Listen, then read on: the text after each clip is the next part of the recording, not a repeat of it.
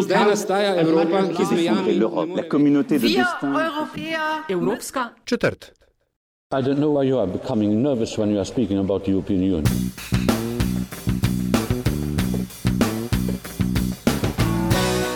Spoštovane in cenjeni, dobrodošli v Evropski četrti podkastu o vsem, kar vas bo zanimalo o Evropski uniji, pa niste vedeli, koga vprašati. Podcast vodiva Nataša Briškim, urednica Metine liste in Aljaš Megovitenc, urednik Radia Chaos. Evropska četrt domuje na spletni postaji metinalista.si, v vašem nabiralniku pa sveža epizoda vsak drugi ponedeljek. To je danes. Na družbenih omrežjih je uraden ključnik ali po domače hashtag Evropska četrt, če pa boste pri volji, da naj jo ocenite v iTunesih, bova zelo vesela. tema Aljaš tokratne epizode. Ekipa Evropske četrti v postavi Aljaš Pengovitenc je šla v Bruselj na konferenco EU for Facts, Evidence for Policy in a Post-Fact World. Uh, ali po domače, zakaj naj zaupamo znanosti, kakšna je oziroma naj bo vloga znanosti v tem tako imenovanem postfaktičnem svetu. Izziv za vse, za- ne samo za znanstvenike, za vse nas, ki delamo v medijih, politiko. Aljaš, kaj uh, je tebi na konferenci najbolj padlo v oči? Uh, zasedba je bila zelo konkretna. Zakaj sva šla tja?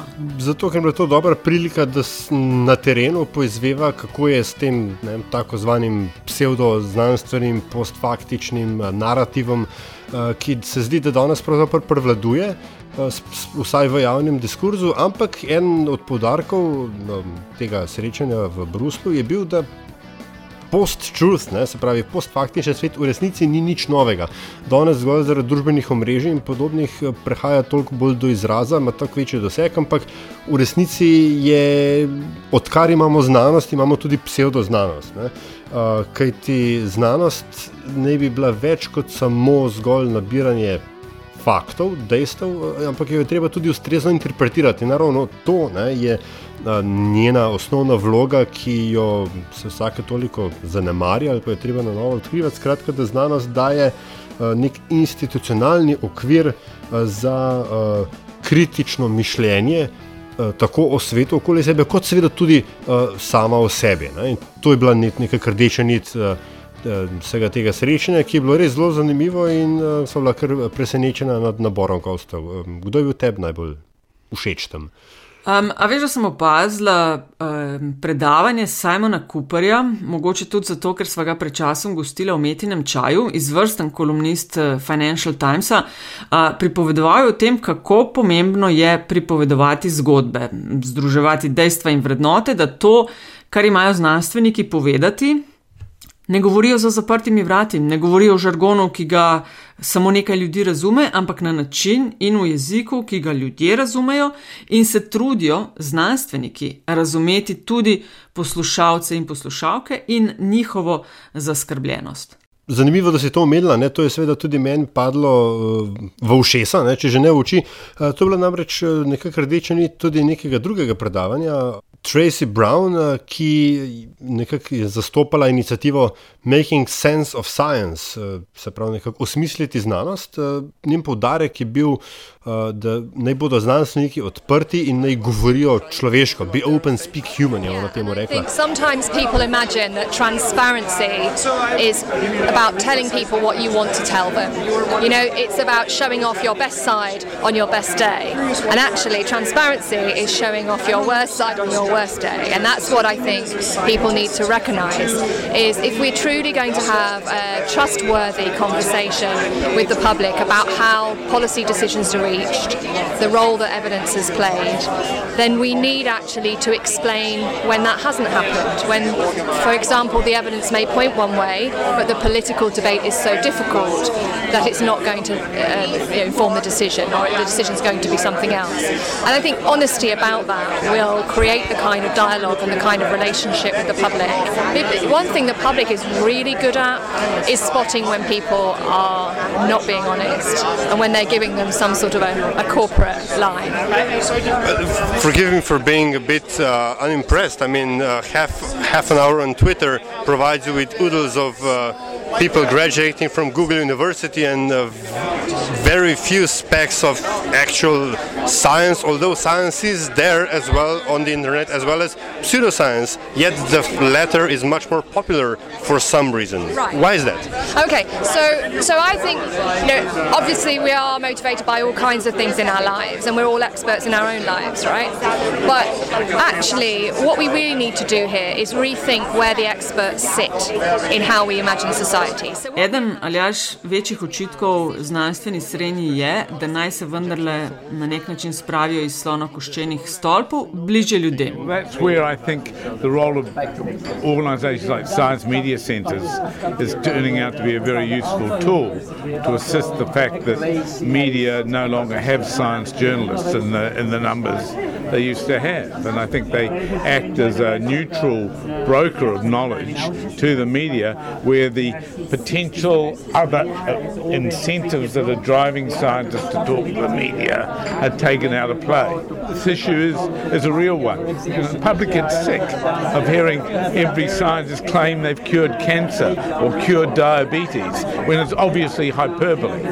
Uh, but this is all a fertile, fertile ground for spread of fake news and pseudoscience and so on. Absolutely, absolutely fertile ground, which is why the way scientists communicate has to be responsible and may and needs brokers of that communication. To je bil Sir Peter Gluckman, glavni znanstveni svetovalec novozelandskega premijeja. No, eh, se mi zdi, da uspon Trumpa in recimo glas za Brexit, zaradi katerega se zdi, da je naenkrat več tistih, ki jih zaradi tega boli glava, kot tistih, ki zaradi tega skačejo od veselja, nekako se upada tudi z vse manjšim zaupanjem javnosti v mnenja strokovnjakov. Ja, ne, podobnega mnenja je bil tudi uh, profesor Johannes Vogel, uh, vodja Berlinskega naravoslovnega muzeja. Science in the last hundred years has relied on the fact that if they tell what they regard as the truth, people will just listen because they are scientists. Now, that I think is backfiring. Scientists now need to understand that they need to communicate and learn to listen in response to the recipient of the information, not of them as senders. Dobro, poslušati, uh, razumeti, komunicirati, to so vse lepe besede, ne? ampak kaj to pomeni v praksi? I think it means that we need to spend more time listening to people, that we need to try to create dialogue and community around science. This will all take away time that we can spend on thinking, educating, writing, receiving awards, and doing the normal stuff scientists do. But ultimately, we are all being paid for by the taxpayer, and that is the wider community and society. And we need to take them, in our own interest, onto the exciting journey of scientific discovery that we so much enjoy. They will reward us with more trust and probably, hopefully, um, stable societies and science funding. Ja, znanost igra, ali pa saj bi morala igrati pomembno vlogo, ampak na koncu se pogosto zaletimo ali pa pridemo na polje politike. In to je, ali jaš, če sem prav ujela, o tem je govoril veliko tudi in na okrogli mizi nastopil eh, nekdani komisar za okolje in znanost, eh, slovenec Janez Potočnik. Eden od eh, najbolj znanih citatov, ki ga zdaj le ponavljam, precej, ko so uh, Einsteina vprašali, uh, kako je človeštvu uspelo, da je naredil, da je bil tako umen, da je naredil atomsko energijo in atomsko bombo, ni mu pa uspelo, da bi je ne uporabil za uničevanje človeštva, je preprosto odgovoril, ker je, eh, dragi prijatelji, to, to je preprosto, ker je pač politika bolj zapletena kot je znanost. Tako da jaz mislim, da je vendarle kompleksnost vprašanj in odgovorov na nje bolj treba iskati v konsenzu politike, kot pa v znanju in dejstvih, ki jih eh, znanost pripravlja. Veš, Nataša, na neki točki na tej konferenci mi je zaskrbelo, da bo vam videl oba ob službo, ker je uh, profesor Jonathan Kimmelman iz uh, Kanade ugotovil, da imajo od vseh ljudi, ki nastopajo po medijih, največji odstotek točnih napovedi vremenoslovci. Uganaš, kdo ima najmanjšega? O ne. Um, poznavalci ali pa politični analitiki in analitičarke. Točno to. Res. What I'm suggesting is that if we're making some really major policy decision, whether that's to fund some new policy initiative or to enact some legislation that depends on science, we really, really want to get the most accurate assessments of risk and benefit from experts. And all I'm saying is really that we want to try to incentivize experts to provide the best possible, best possible advice. Um, sometimes scientists uh, have incentives to overinflate or to overstate the importance of the research or the impact of the research. For example, you're much more likely to be funded uh, or your research is much more likely to have a larger impact if you overinflate the impact of your of your findings to the public, to the press, to granting agencies, etc.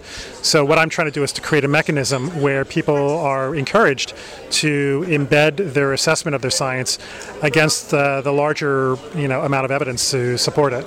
So let me talk to the area that I know well, which is in the context of medical research. Anytime you do an experiment with a human being, you have to conduct an informed consent process where you explain what the risks and benefits are. And I think partly because that is such an important part of the ethics of doing trials, uh, there's a pretty large body of evidence now about how to communicate properly to human beings when you experiment on them. And I think, you know, perhaps we can be deriving some insights or, you know, from the realm of uh, medical research where experts are interacting with patients uh, derive some insights there and apply them to other kinds of broader policy debates. But then again, the, it's the consumerism of the 21st century that to some extent drives this if A then B cause and effect the, because the people want to have a solution that is uh, off the shelf, immediate, uh, and, and uh, all encompassing. So, who's at fault here, really? Yeah, well, it's, it's hard to say who's at fault, but what I guess I want to say is that scientists who are who tend to overstate their confidence or understate the uncertainty are not doing anyone a favor.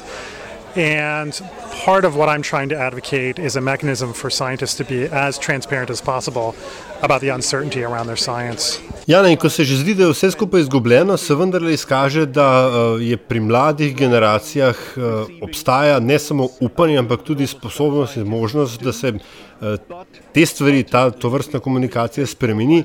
Uh, profesor Fogel iz Berlinskega naravoslovnega muzeja je tako denimo dejal. So, I'm not an economist or psychologist or behavioral psychologist to really understand what the factors are. What is evident to me out of experience, not out of knowledge, is that the new generation of scientists want to engage with the public, want to communicate their interests and enthusiasm, and the system itself, the science system itself, very often prevents them from doing so by putting on um, barriers through constantly having to produce research papers, write grant proposals, deal with scientific administration. Um, but that cannot be all. Yes, we are in a global competition for excellence, but we are also in a competition for stable science funding and stable society and stable democracy. And so, therefore, my plea would be science and the drivers for science have to change to produce a better world. No, današnja oziroma tokratna tema je pa mogoče odlična priložnost, da povabiva na pogovor, kako prevajati znanost oziroma pogovor komunikacijski šumi med znanstveniki in novinarji.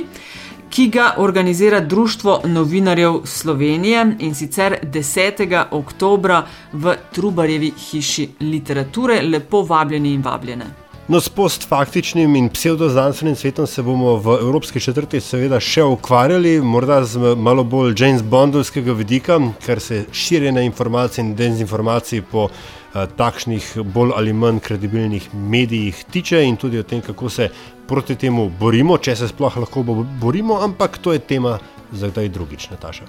Za pomoč pri ustvarjanju epizode se najlepše zahvaljujeva vsem gostom in gostji. Zglazena podlaga je delo audionautics.com. To je bila Evropska četrt, ki jo vodiva Nataša Briški in Aljaš Pengovitenc. Predlogi, mnenja, pohvale in kritike dobrodošli na infoafna metinalista.si. Hvala, do naslednjič.